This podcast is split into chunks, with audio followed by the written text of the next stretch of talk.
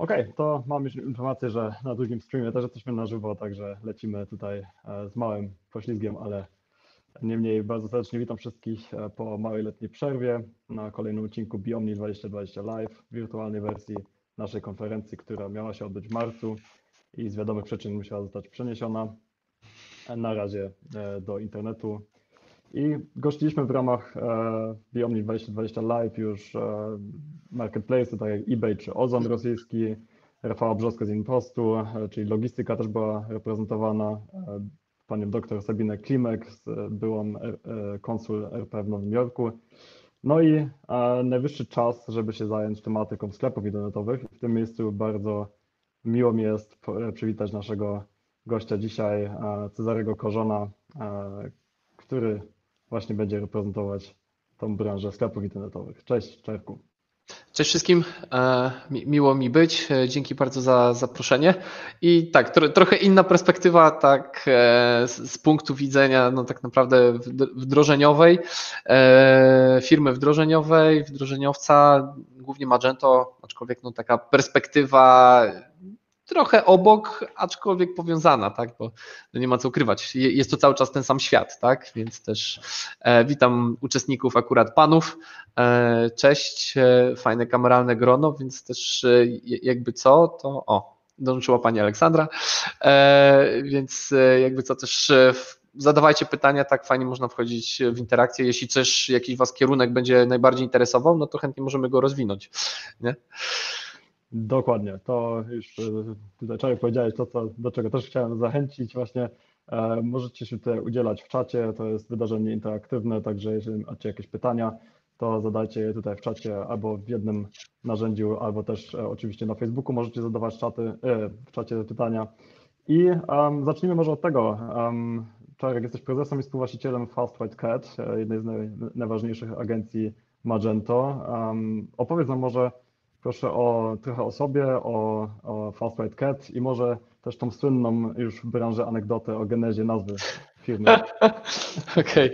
To za, za, zacznę od anegdoty, skąd, skąd się wzięła nazwa i, i, i tutaj akurat ta, nazwa opowiadam historyjkę, gdzie 8 lat temu pierwsza konferencja Fast White Cat, jak, jak powstawał, e, tak naprawdę e, biznes Harvard Review, duże spółki, widownia, prezesi, zarządy, moje pierwsze wystąpienie, zestresowany całkowicie.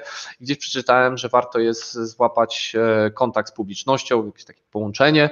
E, wtedy lepiej rzeczywiście wszystko się przyswaja, wszystko idzie gładko.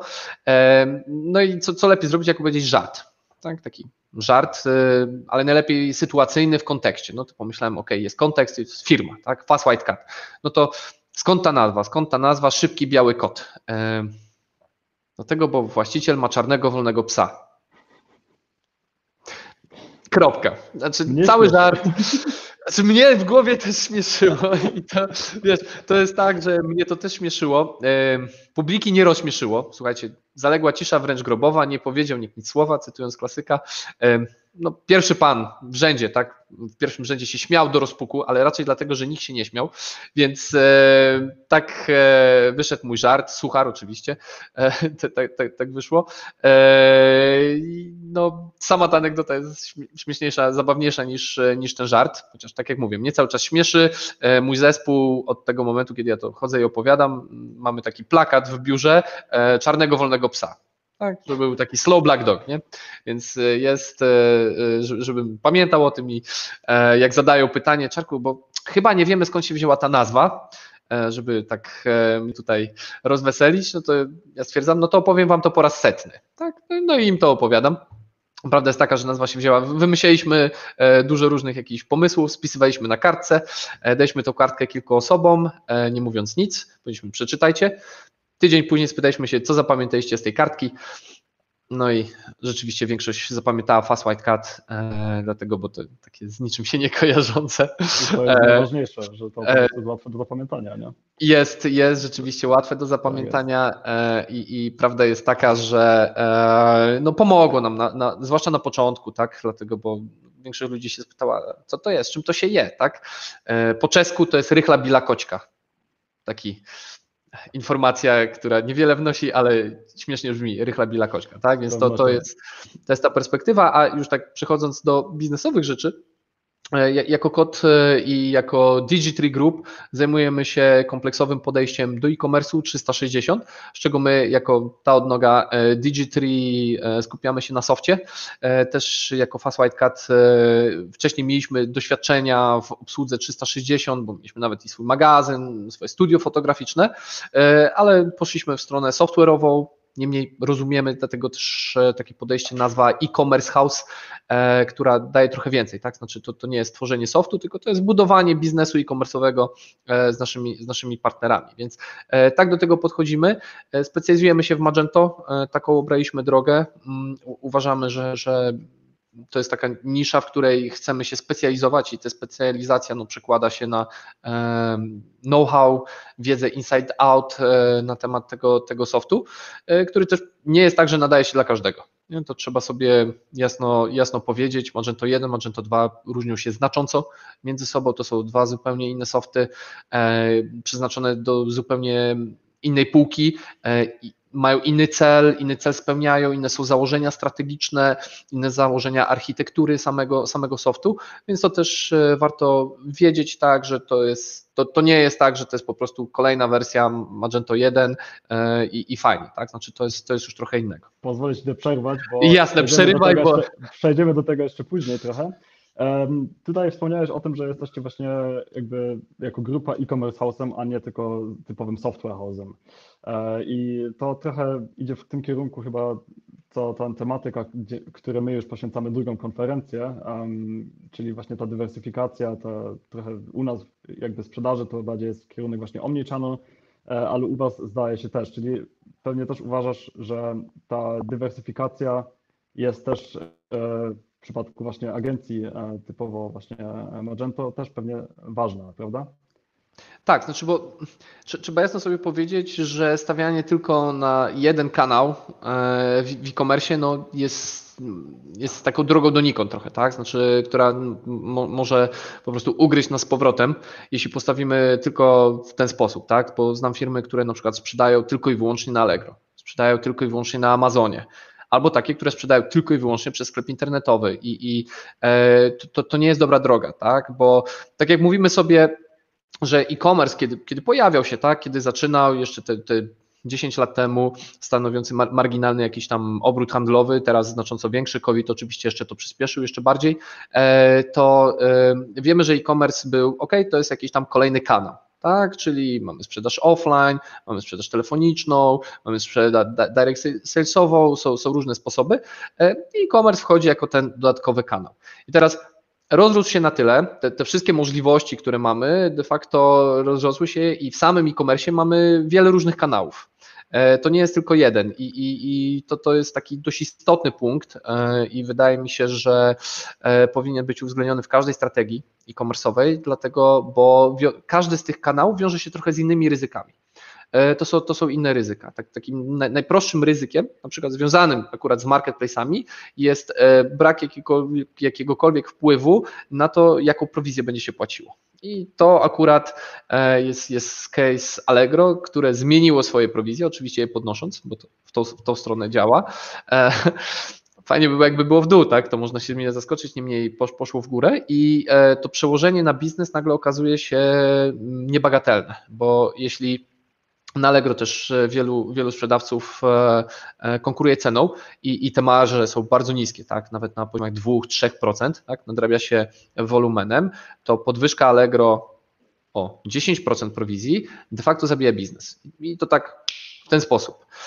Nie ma tutaj odwołania, czy na przykład, że no dobrze, no to jak teraz to sprzedawać, zwłaszcza, że też często to nie są ci klienci powracający, bo buduje się de facto bazę dla Allegro, a nie dla siebie czyli jest coś za coś, tak? Znaczy każdy z tych kanałów ma swoje plusy i minusy e, i to nie jest tak, że ja mówię, że to jest e, zły kanał i nie korzystać z niego, tylko że zdawać sobie sprawę z tego, co może się wydarzyć nie za powiedzmy miesiąc, dwa miesiące, ale na przykład za pół roku, za rok. I to niebezpieczeństwo, e, to, to zagrożenie jest, jest realne, ono istnieje. Ja, ja bym to raczej postawił pytanie, kiedy to się zadzieje, niż czy. Jeśli postawimy tak sobie pytanie, to otwiera się myślenie na szersze spektrum możliwości i szersze spektrum dotarcia do naszego klienta i też budowania swojej własnej bazy. Dlatego, no bo to na czym nam zależy, to jest budowanie własnej bazy. Nie bez przyczyny e, Allegro chociażby zabrania e, kierowania do sklepów internetowych e, sprzedawców, dlatego, bo to, to oznacza, że ten klient po pierwsze no nie będzie prowizji, ale w takim długofalowym e, znaczeniu strategicznym, że ten, ten klient e, przestanie być tylko i wyłącznie dostarczany przez Allegro, ale stanie się klientem tego danego sprzedawcy. Wiadomo, łatwo jest mówić, e, jeśli ma się produkty, które są częściej kupowane, inaczej jeśli produkty, które są raz na jakiś tam czas albo w potrzebie i, i, to nie jest taki klient powracający. Niemniej z tego klienta, który raz coś kupi, mamy go w bazie, tak? I na przykład wprowadzanie kolejnych produktów powoduje, że mamy do kogo dosprzedawać, tak? Bo jest to naturalna cecha, e, nie, nie skupianie się na jednym produkcie, który jest albo na przykład sezonowy czy, czy e, incydentalny, na produktach, które możemy dosprzedawać. Produktach, usługach różnie to bywa. E, więc patrzenie na to z punktu widzenia strategicznego od razu otwiera nam inne pole, inne patrzenie. Więc tak samo też Polska zagranica. Mamy tutaj to rozdzielenie, że to nie jest tylko i wyłącznie skupienie się na Polsce. Sprzedawanie na marketplace'ach daje nam znacząco większe możliwości wyjścia na zagranicę. E, I też e, korzystanie z tego dobrodziejstw marketplace'u, czyli że to nie ja muszę pozyskać tego klienta, żeby on przyszedł na marketplace, tylko on przyjdzie i jeśli jest produkt mój, który jest adekwatny do tego, co on potrzebuje, w cenie, która jest atrakcyjna e, z jego perspektywy, to mamy klienta. My nie wydaliśmy na jego pozyskanie, czyli innymi słowy, nie zaryzykowaliśmy. To jest też zupełnie inne podejście inwestycyjne, tak? dlatego, bo znacząco mniej trzeba wydać niż w przypadku wyjścia na zagranicę ze sklepem internetowym, gdzie ten ruch musimy pozyskać zazwyczaj jednak w sposób droższy. Bo oczywiście tam będzie prowizja, też są Allegro Adsy, Amazon Adsy, więc tutaj możemy sobie zwiększać e, e, nasz, nasz wolumen tych, tych klientów, którzy zobaczą naszą, na, naszą ofertę, nasz produkt. Niemniej dalej na ten moment pozyskanie tego klienta będzie tańsze e, z takiego punktu widzenia. Więc to, to jest e, wiele elementów, które wchodzą do tej strategii, które powinny być uwzględnione. Niemniej sklep internetowy jako e-commerce własny jest punktem, który pozwala budować własną bazę i, i jednak daje więcej, większe możliwości też e, zaopiekowania się i, i do sprzedaży niż powiedzmy e, wystawienie tylko produktów w miejscu, do, które jest no, mniej zależne od nas, tak? No sklep internetowy jest jakby tym kolejnym stopniem e, ewolucji takiego sprzedawcy, bo jakby tą sprzedaż można, czy markę można sobie wyrobić w łatwy, szybki sposób na, na marketplace, e, bo tam już ten ruch jest, nie trzeba go sprowadzić, a jakby do sklepu to nikt sam z siebie nie trafi, jeżeli nie zna tej marki, trzeba najpierw szukać. I hasło marki to jest też e, myślę, że warte do wspomnienia jeszcze, bo macie w portfolio całkiem ciekawe marki, jak na przykład 4F, Kiosk czy Cocodrio.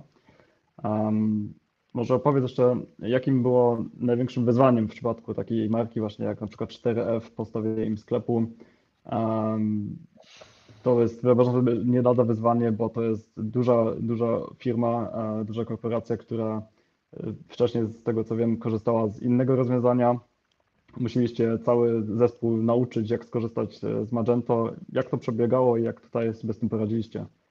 Tak, no to, to jest e, i ciekawa historia, też, też historia, na której my też wiele się nauczyliśmy, dlatego, bo to, to co wspomniałeś, nauczenie zespołu, to, to był ważny element, ale e, zaczynając od początku, przy, przy tego typu projektach, e, przy, przy, dużym skomplikowaniu projektów, e, to, to co jest niezbędne jest przeprowadzenie analizy przedwdrożeniowej.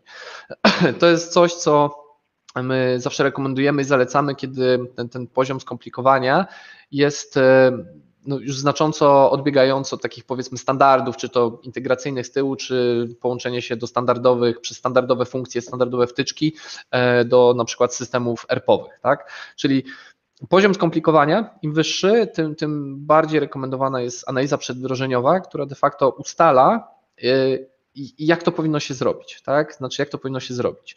E, tutaj często, często słyszę, że no okej, okay, ale to brzmi trochę jak waterfall. To takie prowadzenie projektu, które kiedyś działało, ale wiemy, że no już nie działa i jak gdyby to wcale nie jest dobre podejście, bo nie uwzględnia zmieniających się e, sytuacji oraz rzeczy, które w trakcie trwania projektu e, już są nieaktualne. E, I rzeczywiście jest tutaj element waterfalla. Jest to element waterfalla, ale tylko element, tak? Dlatego, bo z naszej perspektywy najlepiej jest wyciągać dobre rzeczy z danej metodologii i, i, z nich korzystać. Tak? I to nie jest w ten sposób, że waterfall całkowicie jest zły. Ma dobre elementy. Elementy takie, że daje ramy. Daje pewne ramy. Tak? I e, my te ramy właśnie nakreślamy podczas analizy przedwdrożeniowej, dlatego, bo bez tych ram może się okazać, że decyzje, które zostały podjęte, e, no one, one wpływają na całość, tak? I, i, I później ich zmiana de facto oznacza, ok, no to zaczynamy projekt od nowa. E, I te decyzje są podejmowane właśnie podczas tej analizy przedwdrożeniowej, łącznie z analizą ich skutków. E, zazwyczaj są to najczęściej elementy związane z integracją, e, ze sposobem przekazywania danych, z łączeniem się z wszystkimi systemami oraz z architekturą, tak? Mm, co jest głównym źródłem danych, kto korzysta z tych danych, w jaki sposób one są zmieniane, tak? Dlatego, bo to na przykład wpływa też na promocje. Jeśli mówimy, gdzie są ustawiane promocje, jeśli mają być w e-commerce, to czy system ERP-owy, tam też gdzie, czy, czy kasowo-fiskalny, czy przyjmie w taki sposób e, cenę, tak? E, czy jest na tyle elastyczny, e, żeby na Paragonie była wydrukowana konkretna cena, która przyszła, a jest niezgodna z tym, co na przykład jest w ERP-ie, czy odwrotnie. To ERP daje promocję, która musi być odzwierciedlona w systemie e-commerce'owym. Więc mamy tutaj decyzje, które są super istotne. One wpływają całkowicie na to, w jaki sposób będzie to dewelopowane podejście programistyczne i te decyzje powinny być podjęte świadomie. Tak? To, to, to nie jest taki sposób, że idziemy sobie agile'owo z projektem, tak, sprint za sprintem, no i teraz jest ok, no to mamy ten temat e, nagle promocji. No okej, okay, ale to jak już zrobiliśmy coś wcześniej, to okazuje się, że właściwie to nie ma tego tematu, bo nie ma innej możliwości tego zrobienia. Czyli ta świadomość tego, że to wpływa e, i trochę to doświadczenie, tak, to doświadczenie w budowaniu e-commerce'ów od początku do końca powoduje, że, że te pytania trzeba odpowiedzieć wcześniej, żeby nie znaleźć się w takiej sytuacji, tak, która jest bardzo ciężka, tak, bo wyobraźmy sobie, jest połowa projektu, e, no i nagle się okazuje, że przez, przez podjęte decyzje, tak, w trakcie, w trakcie sprintów, nie możemy tego zrobić inaczej, a system ERP-owy mówi, no ale my się tak nie dostosujemy, bo nie albo na przykład okazuje się, że kosztowo to przekroczy jakiekolwiek e, ramy budżetowe, które ma e, klient. I, i to jest coś, e, do, do, czego nie powinno się dopuszczać i stąd jest potrzebna analiza przedwdrożeniowa. I, i taka analiza daje dużo dyskusji. Znaczy ja to uważam wraz z zespołem, że jest to jeden z absolutnie kluczowych elementów, e, dlatego, bo e, wtedy są dyskusje, te tematy też ciężkie i trudne, w jaki sposób to wykonać, e, gdzie pójść na kompromisy, więc to są te ramy, które później pozwalają na tym szkielecie rysować kolejne e, kości, ości, jak to lubię, jeśli, jeśli idzie z metodologią ryby, e, to mm, dorysowywać, tak? Czyli mamy szkielet, po którym idziemy. I to nie jest tak, że nie można go zmienić, tylko trzeba być świadomym, że zmiana tego szkieletu jak gdyby zaczyna w pewnych miejscach projekt od nowa czyli standardowy koncept ścieżki krytycznej e, i ona jest rysowana, tak, bo to można nazwać ścieżką krytyczną, ramami, czymkolwiek. Niemniej w ramach tego, później w trakcie trwania projektu są możliwe zmiany, tak? Znaczy, bo można e, rybę, powiedzmy, rysując ją, tak, jak rysujemy sobie rybę, no można ją trochę obrócić, tak, tutaj może być troszeczkę większa, z jednej strony może mieć dłuższą płetwę, taka, taka jest, tak się urodziła, no, będzie pływała szybciej z prawej strony, a z lewej nie, więc e, te, te rzeczy są możliwe do zmiany. E, I, I, tak właśnie było w przypadku e, chociażby 4F, gdzie, gdzie projekt spory. E, do, do tego dochodzi element związany z projektowaniem.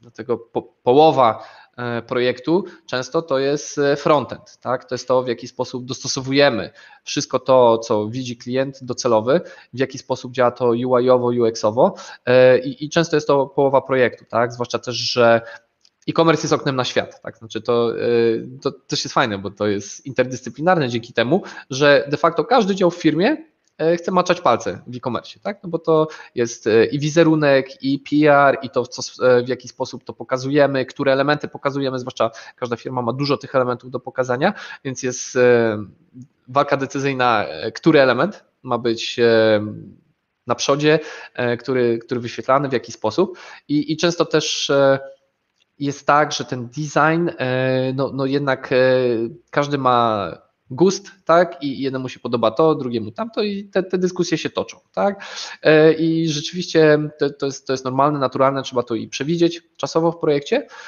oraz wiedzieć, że tak będzie, tak, i wtedy taka, taka akceptacja, ok, to jest normal, normalny proces, to się dzieje, e, też przygotowanie pod to e, klienta, zazwyczaj klienci deklarują szybką chęć decyzyjną i, i tego, że tak, ta e, sfera związana z designem zadzieje się szybko tutaj w miesiąc my wszystko będziemy akceptować, e, wiemy co i, co i jak będzie ok. I, i e, zazwyczaj jest tak, że jest ta interakcja, tylko po prostu tych interakcji jest sporo, dlatego, bo jak e, liczymy sobie też przedstawiając te, koncept designu od początku do końca, to łącznie z desktopem, mobilem, na razie bez tabletów i uwzględniając średnio 2,5 iteracji na, na każdy widok, czyli powiedzmy na przykład, jeśli najeżdżamy myszką jest hover, no to ja to traktuję jak to oddzielny widok, tak, żeby gdzieś tam te definicje złapać, e, to tak liczymy, że średnio wokół 600 e, makiet, grafik powstaje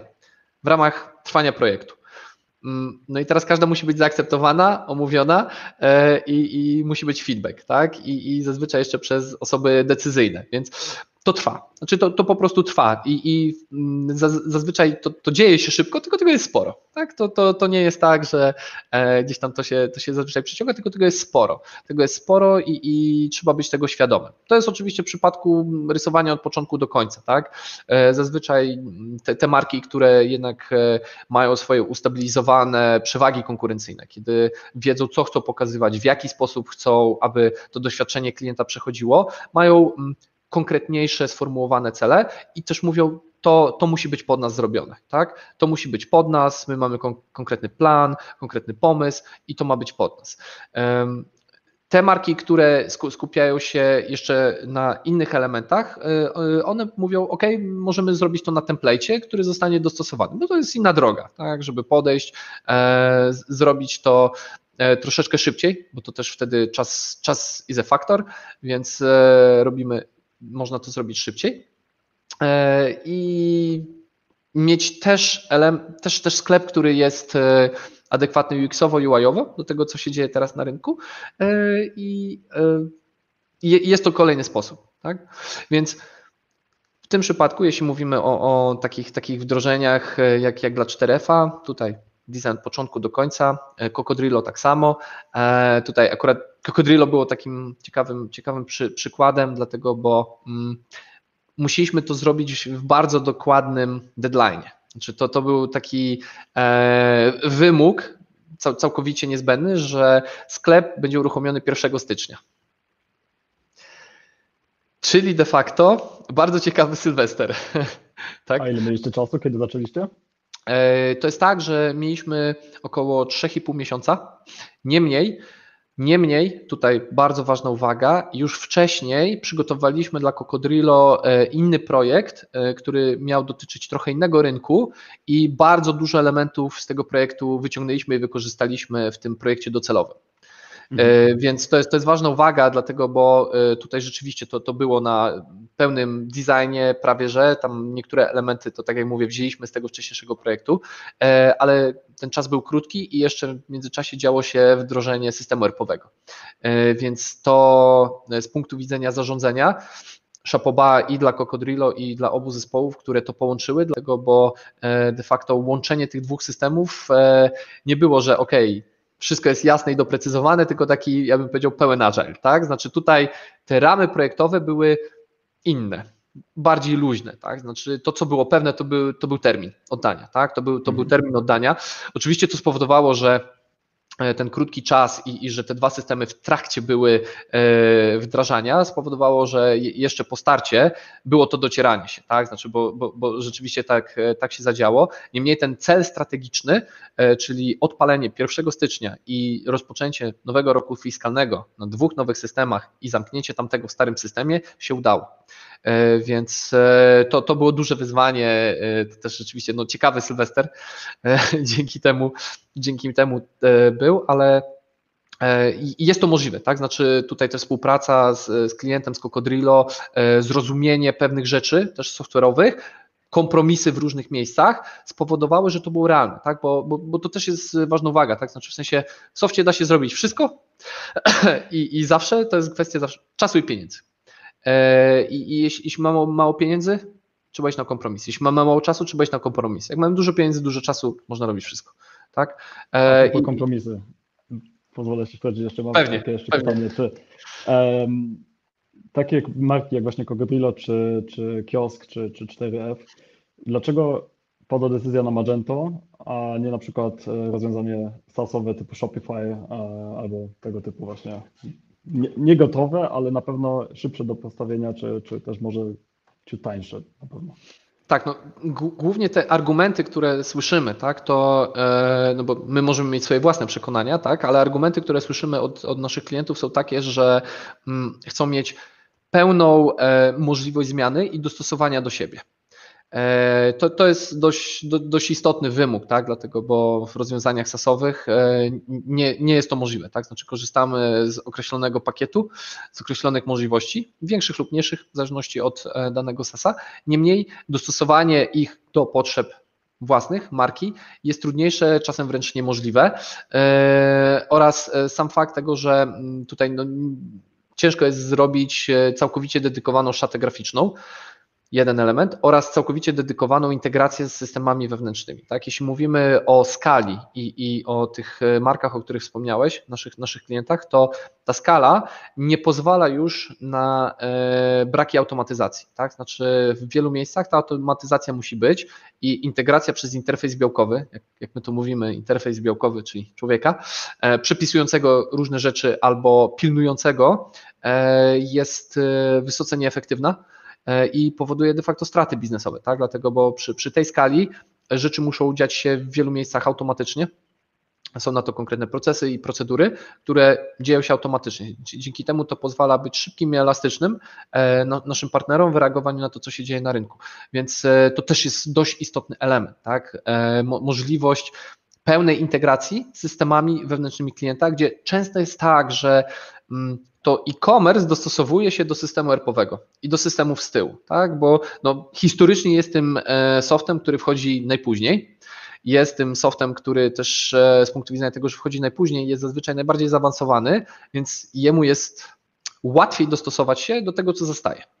E, I, I, to też jest dość istotne, tak? Znaczy, jeśli, jeśli operujemy, już mamy 180 sklepów stacjonarnych albo ponad 300 i operujemy na konkretnym systemie, to teraz e, my nie zmienimy tego systemu tylko dlatego, że chcemy wejść w e-commerce, tak? albo nawet pójść na wyższy poziom e-commerce. E, to, to, to jest właściwie nierealne i, i w większości przypadków, tak już mówiąc z praktyki, to się nie dzieje to e-commerce dostosowują się do tego, co, co zastaną.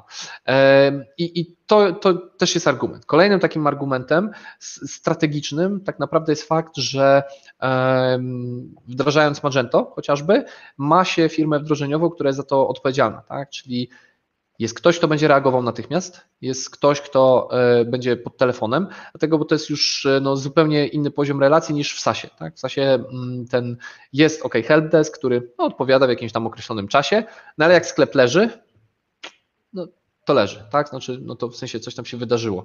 E, I wtedy jest może być problem. Więc tutaj jest bezpośrednia relacja, i, i de facto jest, jest inny poziom zaopiekowania się, ponieważ jest to usługa, tak? Znaczy to nie jest e, sasowa, czyli software'owa, tylko jest to usługa wdrożeniowa i później utrzymaniowa, więc e, zdecydowanie wtedy można mieć i inne poziomy czasów reakcji, e, zaopiekowania się tym biznesem, łącznie też z możliwością e, pełnego SLA 24 godziny na dobę, 365 dni w roku, co, co też, też w taki sposób firmy działają, zwłaszcza te, które mają duże te biznesy, więc to, to, to są decyzje strategiczne, oparte dokładnie na, na tych, tych przesłankach. Ja tak wymieniłem nie wszystkie, ale takie, które słyszymy najczęściej od dużej liczby klientów i wydaje się też, że mają największą wagę e, w momencie podejmowania decyzji.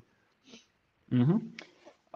To jeszcze może przejdziemy do jednego tematu aktualnego.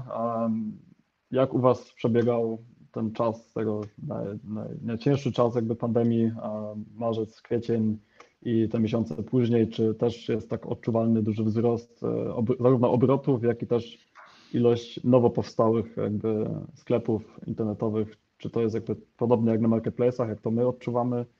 I jak sobie z tym radzicie, czy jakie macie rozwiązania, żeby tutaj wspierać właśnie mm, tą cyfryzację ewentualnie e, firm, które do tej pory były wyłącznie offline i teraz mają problemy. Okej, okay, to na, na, na, początku, na samym początku pandemii, e, no oprócz dużego, dużych obaw, tak, jak to będzie się rozwijało, co się wydarzy, e, to rzeczywiście mieliśmy klientów, którzy nam wstrzymali projekty. E, były, były projekty, które klienci mówili, że ok, to chcą zmniejszyć w ogóle e, zaangażowanie i, i fakt zlecania prac.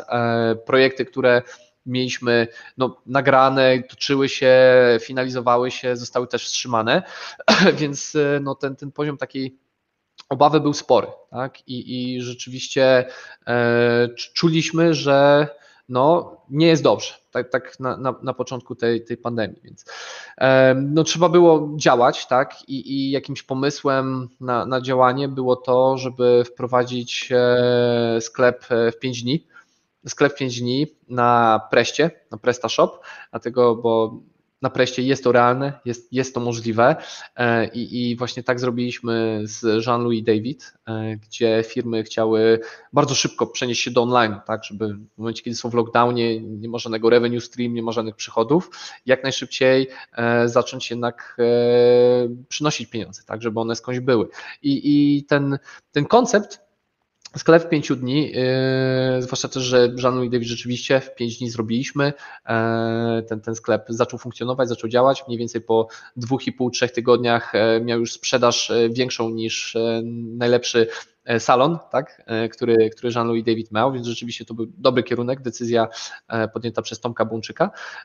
I prawda jest taka, że no, widząc, że ok, jest to możliwe, tak, i, i też na preście realne, mm, poszliśmy dalej tą stronę i dość mocno marketingowo zaczęliśmy o tym mówić, tak, rozmawiać. I wydaje nam się, że to trafiło na dość podatny grunt, na taki, na taki grunt, gdzie mm, wszyscy zobaczyli, no okej, okay, no ten, ten online jest rozwiązaniem, jest rozwiązaniem. Zarówno też klienci to zobaczyli, jak i firmy, bo klienci e, zaczęli kupować więcej. Zobaczyliśmy u naszych klientów, którzy już byli obecnych, znaczące wzrosty e, w e-commerce i to takie niebagatelne, tak, e, które, które od razu otwierają oczy. To, to akurat z jednym z naszych, naszych partnerów było tak, okej, okay, to my już widzimy, że jest możliwy taki poziom, to teraz jest zastanowienie się, co zrobić, żeby ten poziom utrzymać. No bo jak to jest możliwe, wiadomo jak to jest, tak? Jak raz się pokaże, raz się zadzieje w sprzedaży, tak, że jest ten pik, no to jest zastanowienie się, no to jak raz był możliwy, no to teraz trzeba to multiplikować e, i robić co miesiąc. Pewnie. Tak, rosną oczekiwania, i, ale to też wyzwala y, różnego rodzaju pomysły, tak? bo chociażby jednym z takich ciekawych pomysłów, który, który, który jest i który realizujemy z partnerem, jest to, żeby mm, zamienić e-commerce jako miejsce, y, które będzie służyło do direct sales. E, co to znaczy, że jeśli mamy e, klientki albo nawet e, sprzedawczynie, które są w salonach stacjonarnych, to mogą sprzedawać dalej do swoich znajomych, do szerszego kręgu osób, których e, na przykład nie, nie są w sklepach stacjonarnych albo które wcześniej nigdy nie kupowały marki i otrzymują za to prowizję. Czyli mówimy tak, żeby mm, troszeczkę poszerzyć swoje e, patrzenie, że de facto ten soft e-commerce'owy może służyć do większej liczby e, procesów niż tylko i wyłącznie no, klient przychodzi online i kupuje. Tak? To jest tak trochę zaczerpnięte z procesu B2B, dlatego, bo Magento akurat też jest przystosowane do B2B e, i, i kierunek rozwoju feature'ów, funkcjonalności idzie w stronę B2B, to e, wykorzystanie tego, że no w sumie tak naprawdę nasze klientki mogą być ambasadorkami, ale mogą być też osobami, które w ogóle zarabiają na tym, że są ambasadorkami, tak, że zapisują się do, do programu, e, wchodzą na platformę, mają tam swoje konto i robią sprzedaż pokazując też na sklepie, słuchaj, to jest takie, tak, e, tak to wygląda, e, zwłaszcza też do osób, które wcześniej były niechętne do kupowania online, bo nie zapominajmy, że mm, cały czas jednak e, to nie jest tak, że całe społeczeństwo kupuje online. Na ten moment to jest 74% osób zadeklarowało, że kupiło coś w internecie. Tak, takie są obecnie dane, więc cały czas jest to 25%, które nigdy nie kupiło nie chce kupować.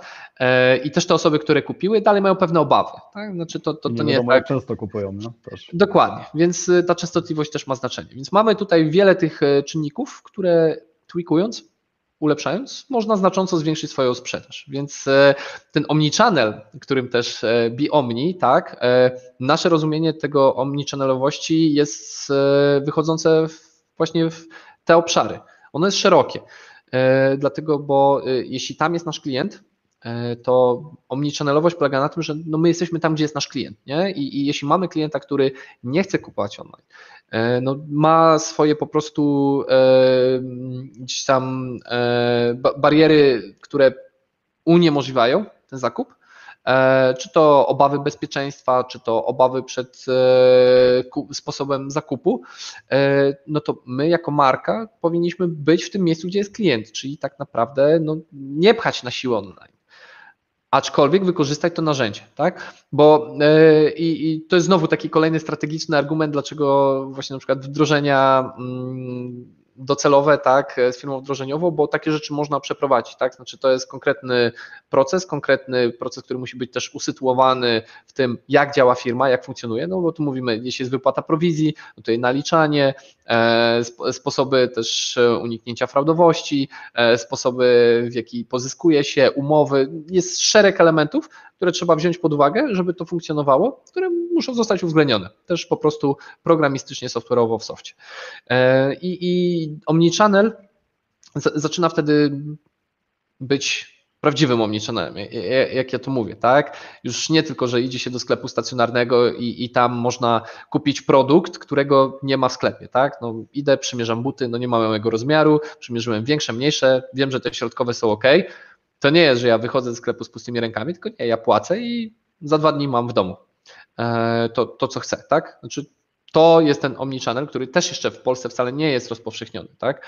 E, to, to do, dopiero zmiany w software'ze, zarówno też e-commerce'owym, jak i ERP-owym, powodują, że firmy mogą to zrobić, bo czy, czy jest oczywiste, że tego typu podejście zwiększa inkrementalną sprzedaż e, klientów? Tak to jest, to jest, znaczy w sensie dyskutowanie na ten temat, no to, znaczy to jest, jest nie, nie, nie jest dobrze postrzegane ze względu na to, że przeczy się faktom, tak? E, I ta sprzedaż inkrementalna całościowo rośnie przy takim podejściu.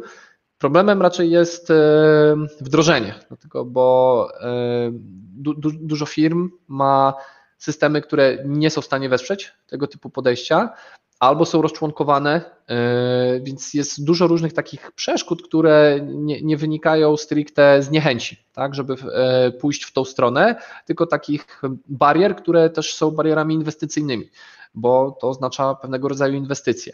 E, I, i teraz też jeśli mówimy o, o czasie pandemicznym, tak, to ten, to całe podejście takie omnichannel, które dotyczyło sklepów stacjonarnych, w jakimś tam stopniu poszło w odstawkę, tak my to czujemy, i o wiele większe jest skupienie się tylko online, tylko online, tylko online, tak?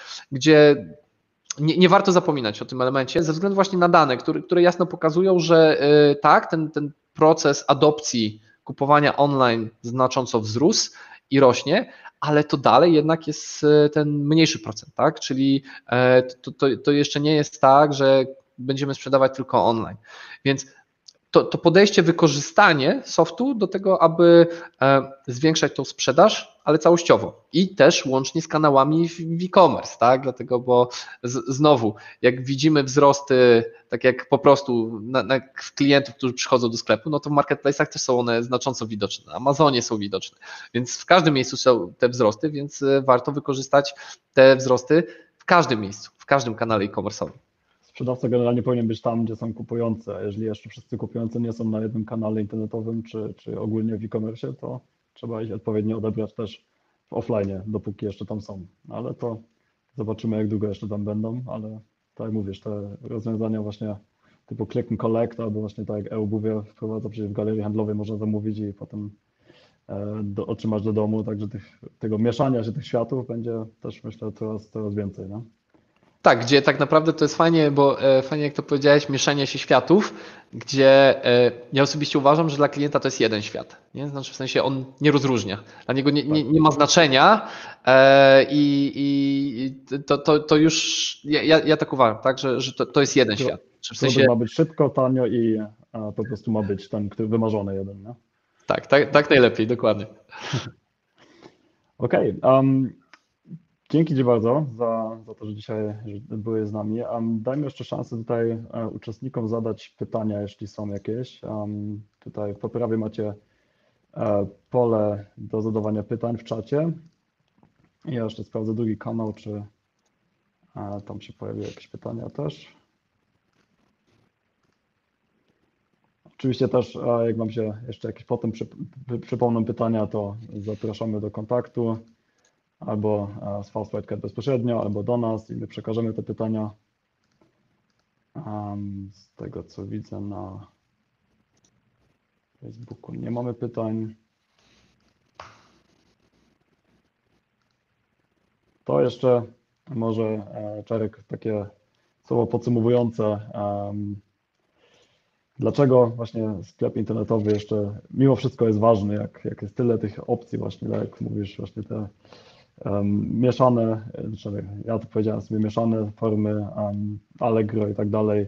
Dlaczego jakby tym ostatnim czasami, ale jednak bardzo ważnym elementem powinien być też sklep internetowy dla, Ja- dla sprzedawców internetowych. Jasne, ja odpowiem e, m- może tak e, obrazkowo, że e, tak jak e, sklep internetowy jest po prostu konkretnym kanałem e-commerce e, i czemu powinien być? Dlatego, bo jeśli spojrzymy sobie, jakie są kanały, czyli mamy sklepy stacjonarne, sprzedaż bezpośrednią i e-commerce, to każdy z tych elementów jest, e, je- je- jest e, funkcją całości. Znaczy w sensie on do, dopełnia. To, to jest oddzielny byt dopełniający całość i tak samo tutaj sklep internetowy jest, jest oddzielnym bytem dopełniającym całość. To jest tak jakbyśmy powiedzieli sobie, ok, nie chcemy sklepu internetowego, to tak jakby z poziomu na przykład marki retailowej powiedzieć, ok, no mamy sklepy stacjonarne, mamy sprzedaż bezpośrednią, ale e-commerce'u nie chcemy.